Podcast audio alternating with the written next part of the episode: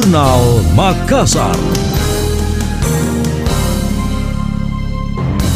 Kementerian Pertanian melalui Balai Besar Karantina Pertanian BBKP Makassar akan menggelar Nusantara Ekspor 2022. Kegiatan akan berlangsung di Terminal Peti Kemas Makassar, Pelabuhan Soekarno-Hatta, 24 Maret mendatang. Rencananya Nusantara Ekspor 2022 akan dihadiri Presiden RI Joko Widodo dan enam menteri secara virtual. Nusantara Ekspor diselenggarakan dalam rangka memeriahkan persiapan gelaran presidensi G20 pada kelompok kerja pertanian tahun 2022. 2022. Kepala Karantina Pertanian Makassar, Lutfi Natsir mengatakan, Nusantara Ekspor merupakan satu dari lima agenda ekspor komoditas pertanian untuk tahun ini. Empat kegiatan lainnya yakni Kartini Ekspor pada April, Bangkit Ekspor pada Mei, Merdeka Ekspor pada Agustus, dan Gebiar Ekspor pada Desember. Pada kegiatan Nusantara Ekspor nanti, pihaknya menarget nilai komoditas mencapai 17 triliun secara nasional. Di Nusantara ekspor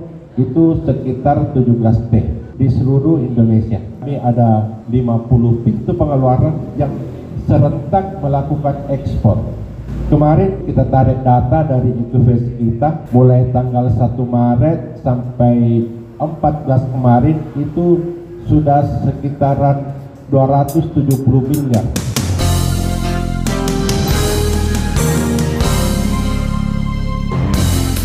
Koordinator Karantina Tumbuhan BBKP Makassar, Nuni Ujiani Natsir menambahkan, ada 10 komoditas pertanian andalan Sulsel yang akan diekspor pada kegiatan tersebut. Di antaranya kacang mete, kopi, udang, dan lainnya. Adapun negara tujuan ekspor yakni Australia, China, Jerman, India, Belanda, Korea Selatan, Arab Saudi, Inggris, hingga Amerika Serikat. Anda masih mendengarkan Jurnal Makassar dari Radio Smart FM. Sulsel memiliki banyak komoditas baru yang memiliki nilai ekspor tinggi. Salah satunya adalah sarang burung walet. Sulsel masuk dalam empat besar daerah produsen sarang burung walet di Indonesia. Sayangnya, Sulsel hingga kini belum dapat mengekspor langsung komoditas tersebut. Koordinator Karantina Hewan Balai Karantina Makassar, Sandra Diah mengatakan, sarang walet yang dikirim tersebut masih berupa bahan baku, padahal nilai komoditas akan naik berkali lipat jika dikirim dalam bentuk bahan jadi. Menurut Sandra, Sulsel belum memiliki rumah produksi sarang walet siap ekspor, sehingga kontribusi nilai ekspor sarang burung walet masih minim. Kemudian sebenarnya yang punya potensi sangat besar itu adalah sarang burung walet. Hanya saja kita masih memproduksi bahan baku belum eh, menjadi bahan yang siap ekspor. Seperti arahan Pak Presiden bahwa kita nggak boleh ekspor bahan baku, jadinya harus sudah bahan jadi.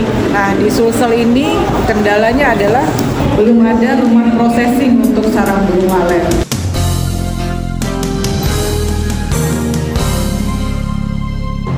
Selain sarang burung walet, komoditas baru yang menjadi perhatian adalah kotoran kelelawar atau bat guano. Sandra menyebut permintaan kotoran kelelawar cukup besar untuk dijadikan pupuk utamanya di Amerika. Ada pula komoditas kupu-kupu awetan untuk souvenir yang pangsa pasarnya hingga ke Jepang. Sandra menuturkan komoditas ini akan dikirim dalam gelaran Nusantara Ekspor 2022 yang dilaksanakan 24 Maret mendatang.